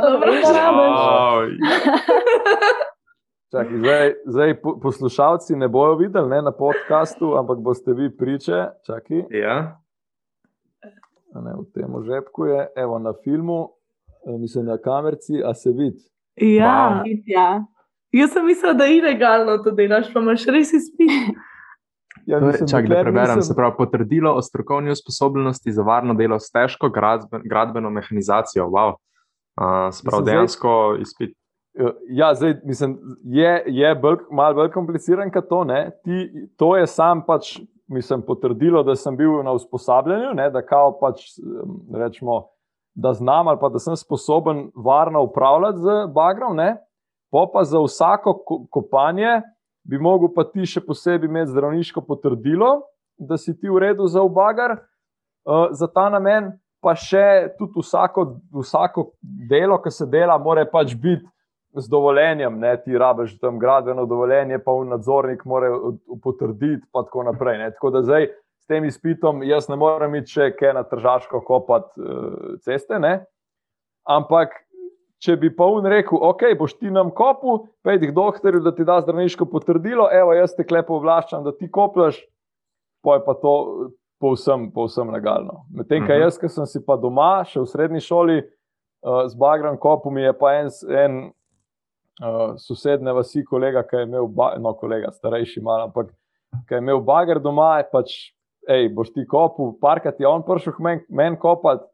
Poj pa on tako, da boš kle se naučil, malo pa sem eno rubido počistil, pa je rekel, evo, kul si, pa mi je pripeljal bager. Ej, to je bilo pa naj, mislim, najboljši dnevi mojega življenja so bili takrat, sem res hvaležen. Tip mi je pripeljal bager v eno vrtačo tam pod vasjo in mi je pustil tam bager in pač je, š- mislim, šel. In, in, in sem jaz pač sam v sred gozda, v bagru noter, muzika, lepo na zvočnike in jaz tam kopu, lukne. Koliko si bil star? Uh, srednji je bilo to, to je bilo čak, ne, ali pa je bilo še celo prvoletnik, po moje. Prvi, drugi letnik srednje, to, to pomeni 16. ful zabavna 17. zadeva. Ja. Kaj da daš otroka v peskovnik. Ja. Uh, sem obožval peskovnike kot otrok. Uh, Lik zdaj Evo, sem no, se evo spustil ti. nazaj to, to. v oblikovanje z glino. Čist isto, tako, isti, isto, isto uživance uh, se malo Ja. igraš. S tem, da bager je pač, a veš, glina tvoja je velikost tvojih rok, ne? Moji jumpi so pa velikosti bagerskih rok. Ne? Mm. Pač ne vem, desetkrat večje stvari lahko Ja. delaš. Ej, in No, isto, tako kot ja. ti prste v glino porineš noter, da boš luknjo naredil ali pa da boš kaj izoblikoval, tako pač to z bagrom narediš na, na, na hribu. Da je Okay, to fajn. kako, se pravi, kako smo prišli od uh, robotkov do bagrov? Kaj je Ja, to zdaj, zdaj da, da končamo. Sorry, lej, jaz imam tokrat bagre, da, da mi je žal Mogel tole, smo. pač je bilo treba Ja. se povedati. Ne. No, bager se tudi premika, ne? in imaš ti, uno, kiblo se premika, roka se premika, gosenice furaš, ampak vsem. Moraš ti premikati fizično, direkt te stvari. Ti moraš premakniti ročko, da se ti bager premika. In vse to v dotično pri bagerjih je meni ful dobr, ampak pri robotih mi je pa glih to kul, cool, da niti tega ti ne rabiš narediti, da se stvar čist sama od sebe premika. A Ne, da recimo, primer tazga, ne vem, zabavnega robota bi bil, ne, da ti streseš po mizi, ne vem, žetončke za poker, ne, gor na strop daš kamero in pol rečeš robotu, da ti sam te žetončke v en lonček pobere. Ne. In je meni ta del, da ti sprogramiraš, sestaviš, vse narediš, da ti on dejansko sam pobira, pa jih premika te stvari noter, pa pol gledati, kako se robotska roka premika, da se vsak sklep premakne, pa primejo kleščice. vem, Tako, ta, uh, ta del premikanja mi je pri robotih tako ful všeč, ker tudi vidim v primerjavi z recimo avtomatika, ne, je bolj širša veda, kako pač avtomatizirati kire koli stvari. Ampak tam imaš, ne vem, včasih imaš tudi samo en tekoči trak, pa se pač stvar premika. To je meni tako malo premalo premikanja, oziroma premalo kompleksno ali pa komplicirano ne, premikanje. Čeprav je tudi že boljši en tekoči trak, ampak še boljše pa, da imaš tekoči trak, pa še robota, ki iz traka pobira. Mm, se mi je zelo, zelo se lahko to primerja s tem, kar si prej rekel, skakanju, ne? Da te pač ne prevlači vso skakanje. Ampak mora biti mm -hmm. tako dinamično, pač moraš iz kot, momenta v moment se mora malo spremenjati, ko je kamen na poti ali kaj, medtem ko pa skakanje s močmi je pa samo pač neka tako naravnost, ki je nekaj variacij. Letenje, ampak da je to, kot smo rekli, uh, enakomerno pospešeno. To, to, to, to, Poševni let. Jaz sem hotel ja. sam reči, mi smo v srednji šoli tudi imeli pri informatiki, smo mogli robotka narediti. In moj, naj, z mojo sošolko so naredili robotka, ki je v bistvu, a veš, ti daš neko čas, ti daš lahko mi da so v bistvu uporabili svetlobni senzor Aha. in on je bral ta svetlobni senzor in pa se odločil, kje je njegova pot. In iskreno, kot nekdo, ki ni najbolj naravoslovni tip, oziroma recimo, mogoče, so, mogoče je to samo nek label, ki sem ga jaz dala gor, pa to ne bi smel biti tako. Ampak. Na začetku se je ta problem zdel zelo velik, ne? kako bomo zdaj to mi dve, kar temu robotku povedali. In pa v bistvu ugotoviš, da to sploh ni tako težko, da je itak tehnologija že tako napredna, da ti dodaš un senzor gor, malo nekaj tam napišeš. Nič pa ena, x, recimo, da nič je črno, ena je belo, in on bo vedel, kje mu repela. In full dober feeling, pa videti, kako to se kar fura. Ne? Tako da, Jaz si predstavljam, da pol to, kar malo bolj veš, je še toliko bolj satisfying, ker mu poveš, kaj hočeš, da naredi in pol dejansko naredi. Ker da psa treniraš malo. Ne? Evo, to ja, je tako podoben, podoben eh, feeling, pri čemer je kletko, da pri psu je res to sodelovanje, ti pa pes skupaj, pa ga imaš rad, pa tako nekako. Ne? Tle je pa ti pa robot, ampak je sam na tebi, da boš ti prav sprogramiral, pa se stavil, pa naredil. Pa če ti kaj ne dela, ej, si, si sam kriv, si ti nekaj narobe naredil. Ne? Uh, A tako, si prav kakšne take science fiction knjige, ki si bil majhen? Uh, sem pa tja, sem kaj bral, drugače jaz nisem bil tako zelo za brati knjige. Jaz sem večinoma knjig, ki sem jih prebral, so bile domače branje. Ampak tiste sem pa prebral tako, pač cele pa so mi bile tudi zanimive, ni da nisem maral brati sam. Nekak, če sem imel na izbiro, ne, iti ven se igrati, ali iti v, v delavnico, kaj izbiti z lesa skupaj, ali brati knjige, ali iti z bagrom kopati, ne, Lej, pač knjige niso prišle na vrsto. Se ne, da ne bi maral brati, sam pač toliko drugih stvari je bilo, ki me je bolj potegnilo. Hm. No. In to je še po moje, zakaj mi je tudi robotika kul. Cool, ker jaz sem rad, od mehkega sem se rad z Lego kockami igral, pa se stavljal, pa kakšne zobnike, pa da se je kaj mehanskega premikal. Uh, tudi recimo na začetku, ne vem, po mojem, čakaj, je bila osnovna, srednja šola. Oči mi je malo kazal tudi programiranje, pa une Lego Mindstorms, če poznate, unke so roboti, ja. Lego. Uh, Tizga sem pol enkrat za rojstni dan dobu, pa se z njimi igral. Ampak meni je bilo na začetku nekako ful bolj všeč sestavljati mehansko skupaj stvari, kukar programirati. In za pol včasih z očem tako delala, da sem jaz sestavil, on je pa pol sprogramiral stvari. No, in tle je bilo meni, pol se mi zdi, da robotika se mi je tako zdela, ok, tle je pa velik, velik prilike za, za, za mehanske, rečemo, kaj pa je zdaj. Področja, ali pa se stavljati, ali pa zubniki, ali pa se stvari premikajo. Zdaj, ker sem pa noto temu, me pa če dalje bolj tudi programiranje, pa software navdušuje. Zato, ker pač najprej sem se s tem igral, zato ker pač, če sem hotel, da se mi stvar premika, sem mogel tudi programirati. Zdaj pa boljš, da to znam, kot si Zala prej rekla, bolj mi je to všeč in sem dejansko zmeri bolj navdušen na splošno nad programiranjem česar koli. Mislim, tudi če je sam, da na računalniku narediš, da ti recimo. Uh, kaj pa je 70 komp, čez 15 minut samo gasne, mm. ali pa da ti vem, z ene spletne strani uh, pobere nek tekst ali pa kaj takega. Uh -huh, uh -huh. Ampak to je hudo, ko si recimo prišel do programiranja čisto na nek tak, uh, prek nekih svojih interesov. Ne? In potem bi je programiranje samo, um, recimo, tep omogočil, da si naredil pol naslednji korak v teh svojih interesih. Medtem ko pa folk, ki se poskuša učiti programiranje, pa nima, se pa gre programirati samo zato, ker se mu zdi, da more znati programirati. Um, to je, to je, sem jaz tako um, full cool, da si tako prišel do programiranja. Ja, no, to, to kar si rekel, pa to velja po mojem za kjerkoli stvar, da se učiš nekaj samo zato, ker se Mm. moraš tega naučiti. To je po mojem en izmed najhujših demotivatorjev za kjerkoli stvar. Če se ti ja. učiš nekaj zato, ker te zanima ali pa zato, ker ti je všeč, se sploh ne učiš, ampak se igraš s to stvarjo. Ne? In si ti tako, o, kaj se da s tem narediti, tu dajmo proba, dajmo ne vem, še to, dajmo še.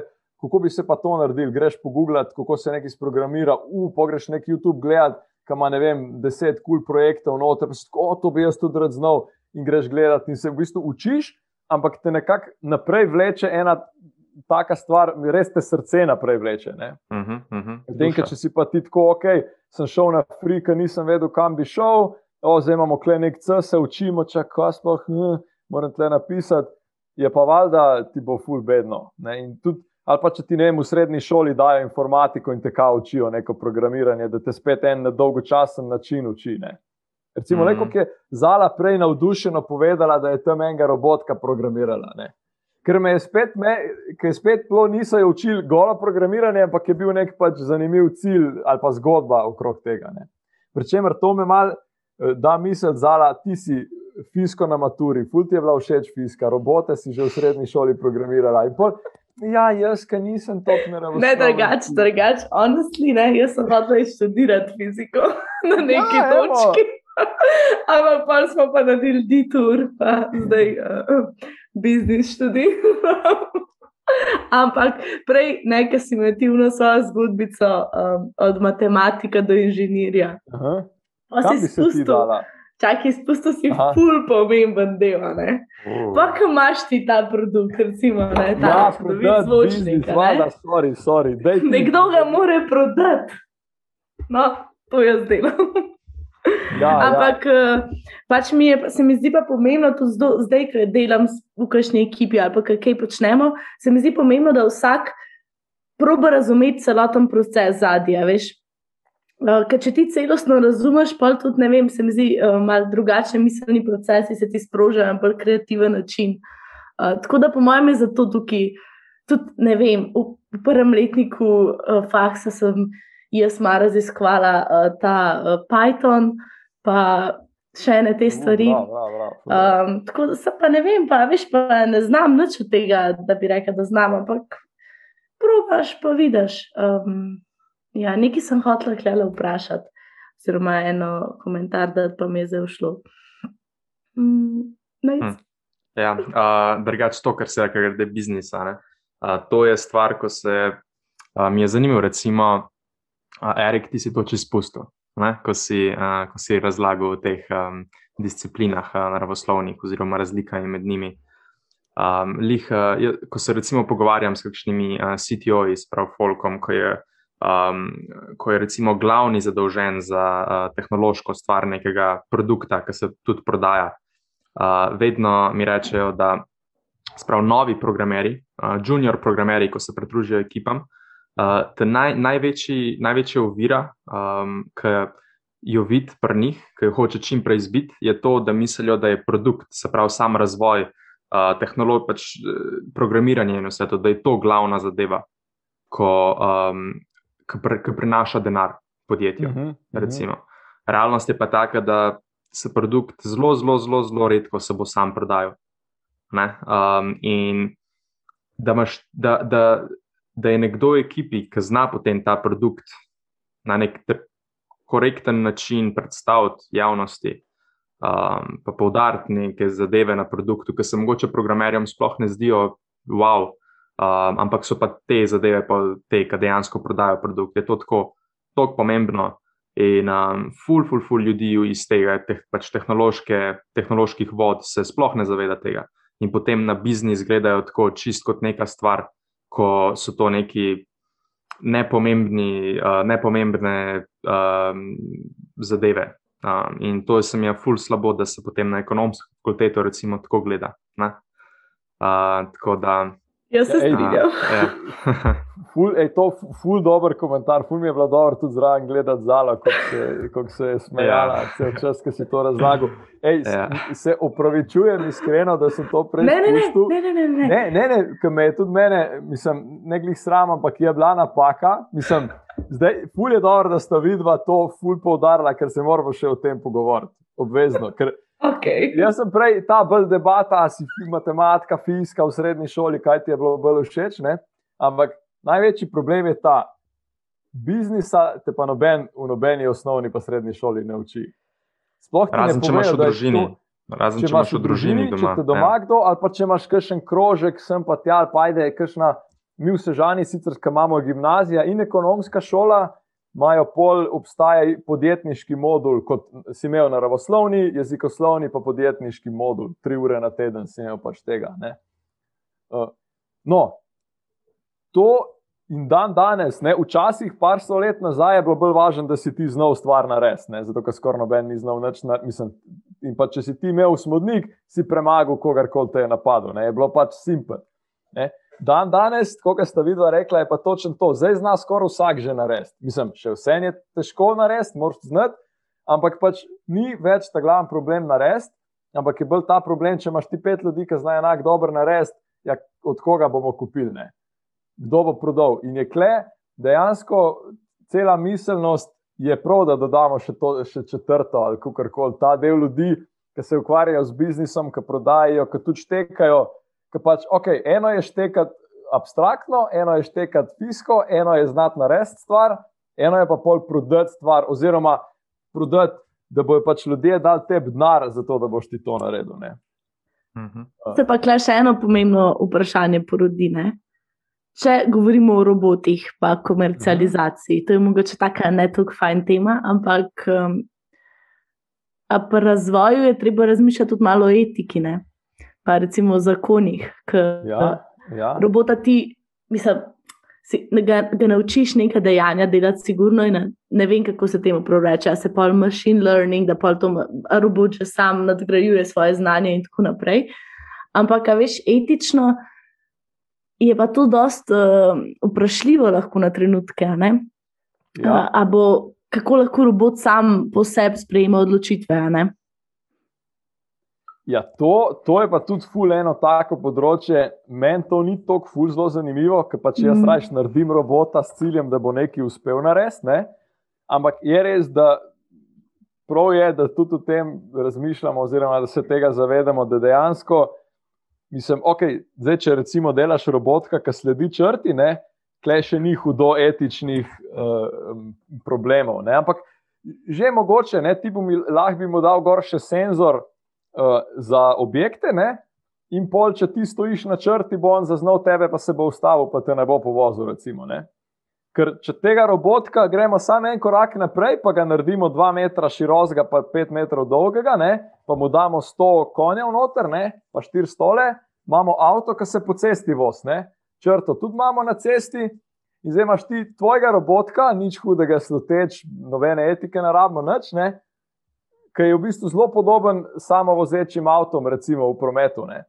In kle pride pa ta dilema, kako se bo obnašal prvič kdo je kriv, oziroma kdo je odgovoren, če gre kaj narobe, kot ni bilo mišljeno. Ne? Če zdaj samo vozeč avto enega povoz, kaj zdaj s tem. Ja. Ali pa isto, če robot v tovarni enega pač po glavi vseka po nesreči. Ne? Do tega, da une dileme, ki so tudi take, ne si to so zmeri težke dileme. Ne? Če imaš ti prehod za pešca, prehod za pešce, recimo, ne pa dva pešca. Pa zdaj ti z avtom, recimo, se voziš, pa ti une dva oba gor skočita, tako da lahko ti sam enemu se ogneš, da drugega boš pa recimo povozil. Ok, si pač ti odreagiral, si se tako odločil in si enega zbil ali pa recimo si enega rešil. Ne? Kaj pa zdaj samo vozeč avto? Kdo ima pravico določiti, kako naj se avto v takem primeru odloči? Ali pa recimo, a boš ti zapeljal z ceste, pa žrtvoval svoje življenje, ne? ali boš ti povozil pešca, pa si pač svoje življenje rešil, ampak si pa njegovega uh, porabil. In zdaj, ja. ajde, ki ti sam voziš, si se pač ti odločil, kako si se. Ne?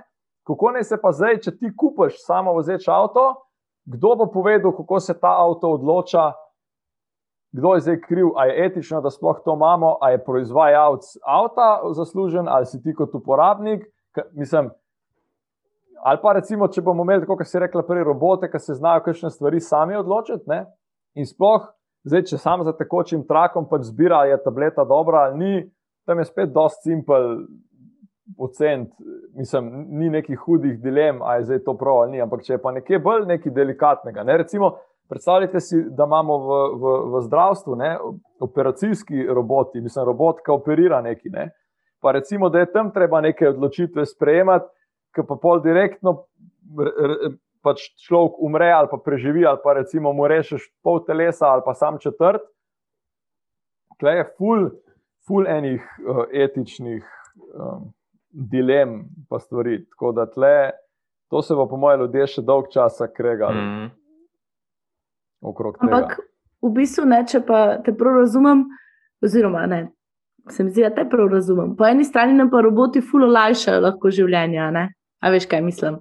Um, se pravi, dokler recimo so nekako dopolnilo na človeški moči, pa stroki, pa tukaj sploh ne vidim tako velik problema.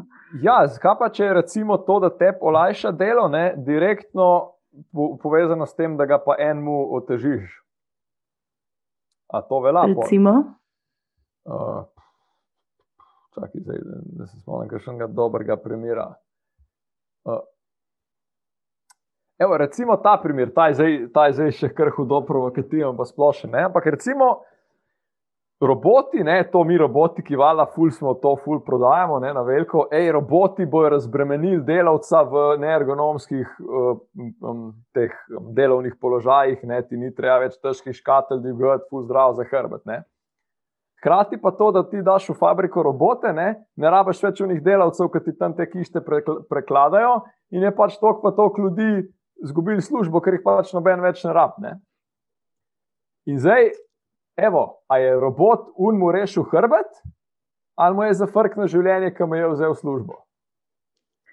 To je ful dobra knjiga o tem napisana, sam se zdaj ne morem spomniti naslova ali, ali pa samo en poglavje, ker v bistvu en avtor raz, argumentira, da robotizacija na dolgi rok, a veš, družba recimo se začne ukvarjati s tem, uh, opazujejo biološke celice in tako naprej, in pa odkrijejo zdravilo in spet napredujejo. No?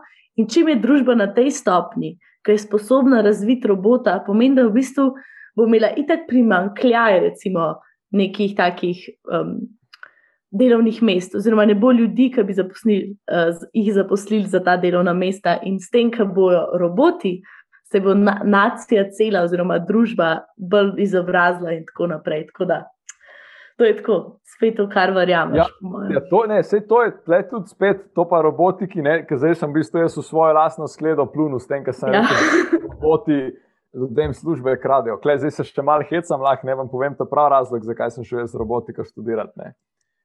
Uh, sem razmišljal o prihodnosti in sem rekel, ok, roboti bojo ljudem službe kradili, ne? mislim, je mal. Zdaj, a bom jaz zgubil službo ali pa jaz sum, ki bom robote delal. In je bila pač simpel odločitev. No, ampak ne, zdaj za, za, za brand ta, ne, zakaj vse kul cool robote imeti, ker jih to robot bo unete težke stvari ali pa zoprne nadomestil, hkrati se pa pokašne nove stvari pojavijo, da lahko ta človek, ki je prej kište prelagal, zdaj pa nekaj drugega dela.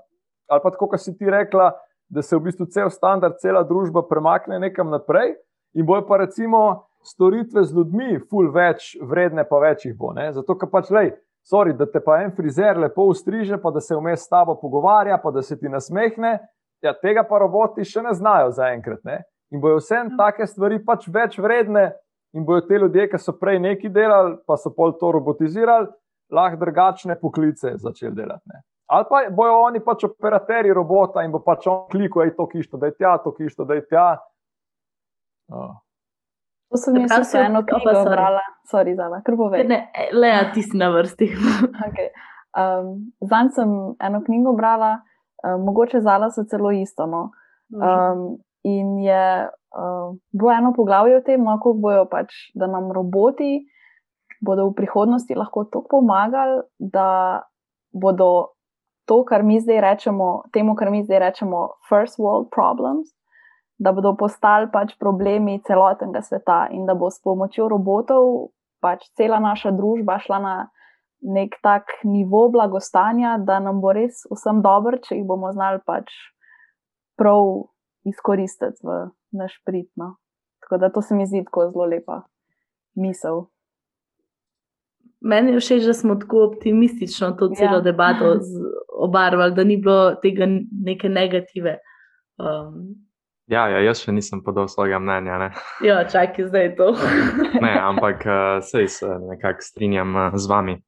Zdaj imaš tukaj potem uh, to teorijo superinteligence, ne? se pravi, pač, kaj je recimo celoten um, končni, končna misija uh, tega machine learninga oziroma teh robotov, ki se lahko sami učijo. Uh, ne? Je v bistvu, da se razvije neka superinteligenca. Torej, da je to neka inteligenca, ki je na višji stopni kot človek, ki se lahko sam odloča um, in ni odvisen tudi od človeka, da, da, da se zadeva pele. Ampak to so potem res teorije in to gre lahko potem zelo narobe, ne? ali pa nam bo res koristilo. Um, ampak to so, to so zadeve, ki so še precej v, v prihodnosti tudi um, se pravi, te glavni znanstveniki, noben ne pravi, da bi bilo to pred 30 leti. Recimo pred 2040, 2050, ni, praktično ni možnosti, da bi se kaj takega zgodilo. Um, kasneje pa, who knows, tako da mogoče v našem lifetime lahko posnamemo čez 60 let uh, drugo podcast epizodo, part Evo, to, to, to. Jaz sem za. Bi bilo ful zanimivo drugače. Um, naredimo reevaluacijo stanja. ja, čez 60 let. Kako se že reče deepfakes, ne? Ja. Okay, ja. No, to, to bo, to bo tako lahko že nekdo drug naredil, deepfake naših teh govora pa vsega. Ja, ja, se pravi, deepfakes so, um, če kdo ne ve, da bi v bistvu nek algoritem oziroma programček bi, bi nekako oponašal naše glasove in naš, naše dejansko obrazne mimike, in bi bil to v bistvu nek ponaredek nekega videa plus audio pogovora. Um, in to, to se do neke mere že, že, že da narediti, če imaš dovolj neke vsebine, pa videa. Recimo, primer je Joe Rogan, ki je enega izmed največjih podcastov. Tok njegovega audia toliko njegovega eh, zvoka, pa njegovih besed je že na internetu, da lahko ti narediš algoritem, ki reče on praktično karkoli. Um, zato je tudi ful, recimo, v redu, da mi imamo še vedno tukaj v slovenščini, ne, za, da bo pa to slovenskim jezikom možno, bo pa še veliko dlje časa trajalo. Uh, ker ga je preprosto toliko manj slovenske vsebine, da se lahko naredi take dobre algoritme. Medtem za angliščino se pa že da. Tako da za najmen podcast, zala um, Glass Balloons, da bo kdo deepfake delal, bo predvsej časa trajalo še. Sta na varnem. Čeprav, če bi bila, pa vidva res carja, ne? to je spet ta moj len, len robotik eh, pogled na svet. Ne? Bi pa vidva naredila deepfake od sebe, pa šla lepo na Bahame, cingat nogo, kot rečemo na krasu, in bi se vama, ti sam klikneš play in se vama podcasti sami delajo vidva pa izdržavata. Ko mi dva govorijo o enih zadevah, tako pa sam neko razglabljanje, pa je to nekako umetno. Ps, ja, še en dodaten content stream bi bilo čist, uh, čist zanimivo. Ne? Kako bi varirali poslušanje, če, če deepfake govori, ja. pa če jaz govorim, pa če bi bilo isto. Ali pa slabše. Zakaj se tam trudim? ja. ja. Edin pol je pa tukaj, pol pride tukaj še upoštev to, da dejansko mogoče uh, uživava tudi v tem, kar se pogovarjava. Ne? Kar je ja. pa druga zadeva. Pač, a delaš zaradi mm, zarad končnega produkta ali delaš dejansko zaradi pač, poti do tega produkta. To, to, to, to. Ja, to si fu lepo rekel. In kle, meni men je pot do tega, da nekaj avtomatiziraš, ta zabaven del. Ne? Zato bi jaz vse, kar vidim, kjerkoli delo, ej, dajmo to.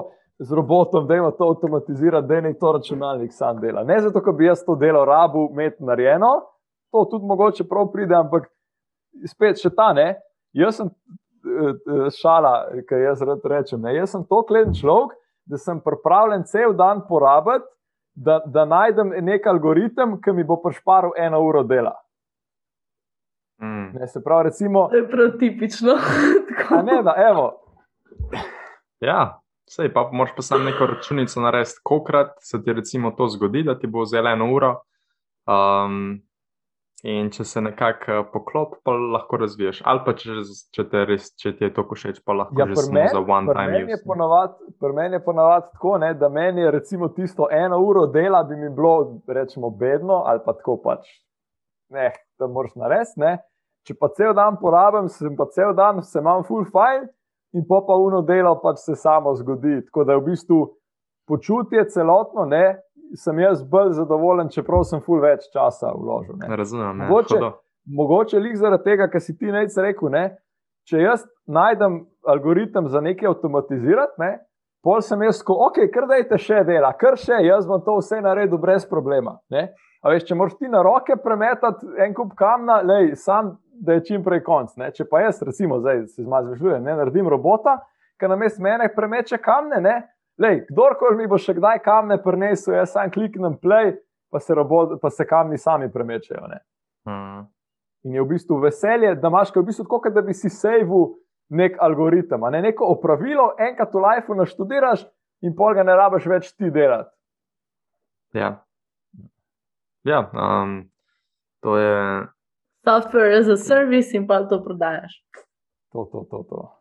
Mm, recimo, ja. hm. Um, še, še za zadnjo stvar bi samo se nazaj k knjigam vrnil. Se pravi, rekel si, Erik, da v bistvu nisi tekom otroštva, pa pač um, šole, nisi, nisi velik bral, ne? si raj druge zadeve počel. Uh, kaj pa zdaj? v današnjem času? Ja, isto, oziroma še slabše. Mislim, wow. še slabše, ker se knjig tiče. Ne? Zato, ker, mislim, veš, si v srednji šoli, so pač hobiji, pa se greš igrati. Ker si pa na faksu, ne? imaš pa veliko dela, pa to, pa unispit, pa to moraš narediti, pa še pomagati babici, pa še pojmaš še hobije, še zmeri in uh, je, je še če dalje manj časa uh, na voljo za brati knjige. Ker, pa, me, um, pa me že vsi, in mam, mislim, in oči, in babica, so tako ti, Erik, bi mogel bolj brati knjige, veš, iz knjig se veliko naučiš. In hej, se totalno strinjam z njimi in bi si jaz želel, da bi več knjig bral. Ni da jaz ne maram ali pa nočem. Sam res je problem, ker pač na koncu ne moreš vsega. Ne? To je res. Sam, uh, je pa tako par džemov, um, ko bi ti jih predlagal, no? nasploh iz tega, kar si govoril, stvari, ki te zanimajo. Um, poznaš uh, The Martian, pač film, ko je bil. Film, ja, ja, ja, no, pač to bazira na knjigi. Ne na bucket listu za pogled, ampak nisem še. No, pač uh, audiobook. Audiobook je A? nevreten, ampak basically celotna zgodba um, za tem bazira na tem, da je en, en, en tip v filmu Matt Damon uh, ko je nekako taka Robinson scena, mm -hmm. uh, se pravi, pač on, on je sam uh, na Marsu. In potem more vsako, on je pa samo, on je botanik. Um, nima, ni, pač je tudi ima neke inženirske sposobnosti, ampak v bistvu se mora sam vsega naučiti. Sprav, ok, zdaj jaz sem sam na Marsu, imam za 30 dni life, ladja, naslednja, ki bo prišla po me, nimam pojma, kdaj bo prišla, lahko je čez pol leta, lahko je čez tri mesece, lahko je čez dve leti, jaz hočem preživeti. In pol iz vseh manualov, iz vseh različnih zadev je nekako poskusil, um, ok, se pravi, prvo si moram nekako um, zalogo hrane narediti, se pravi, mogo začeti rastati hrano. Vse dejansko temelji, je precej dobro raziskan. Sprav, nobena stvar ni samo tako neka fikcijska. Ne? Pač dejansko se upoštevajo vsi fizikalni zakoni pol, kako si bom, uh, uh, se pravi, dolil kisika v svojo bazo, kako si bom sploh bazo naredil. Um, ne take zadeve, in, in vse je samo tako neko reševanje problemov, in on obenem tudi nekako tako uživa v tem. Uh, in sem jaz, bi bilo tebi fulhodo to. In wow. narejen je pa tako kot dnevnik. Uh, se pravi, vsak dan je povedal, kaj je naredil, kaj je imel probleme, kako se je loto zadev. In audio knjiga je fulhodo predstavljena. Uh, tako da, če greš dan na kakšne sprehode ali pa kaj, to imaš v dveh tednih preposlušan, da se ti ni treba usedeti. Tako da Mar Mar The Martian bi ti bil, po moje, pisan okay, na kožo. No? Zapisal, ej, hvala, hvala, to bom ja. pa, to se res dobro sliši. Ja, tako da a, lahko potem v drugi epizodi, če 60 let, a, se pogovorimo, bo, kako ti je bila knjiga, takrat, če ti bo uspel do takrat. bo, evo, bom, bom se potrudil, da, da, Sploh ne bo Erika na drugi epizodi, ampak bo on imel svojega robota, ki ga bo predstavljal. On pa lahko nekaj drugega dela. To pa je, jaz pa rad govorim. Ne, tako da tle, una, una, ki si ti prej rekla, da ne, vprašanje, če hočeš, da robot to na mestu tebe dela. Mm. Tako da. Ja, Ja. Tako da, ko smo lih uh, na tej točki. Uh, Čakaj, čakaj, čakaj, še nekaj imam. okay. Še nekaj, čisto čist na hitro. Lea, če bi mogla reči tako, zakaj bi kdo mogel poslušati Erikov govor? Tako, čist in šort. Hm, okay. Zaradi tega, ker vas bo Erik navdušil za eno stvar, ki vam je bila prej mogoče tako tuja, da si niti v sanjah ne bi mislili, da vam je to lahko zanimivo. Kako je mene. Oh. Evo, obljubljen avtor. Um, najlepša hvala vsem za poslušanje. Če še niste, dajte se subskrbati, uh, pa dajte naj jo pofollowati na Instagramu. Kam ima kdaj ful zabavne ankete na storjih, pa lahko sodelujete. Uh, ja, noč, um, en lep dan, en lep večer, lahko noč, dobro jutro. Ne vem, v katerem času se poslušamo, ampak kadarkoli je ta prav čas za glasbeno. Čau, čau.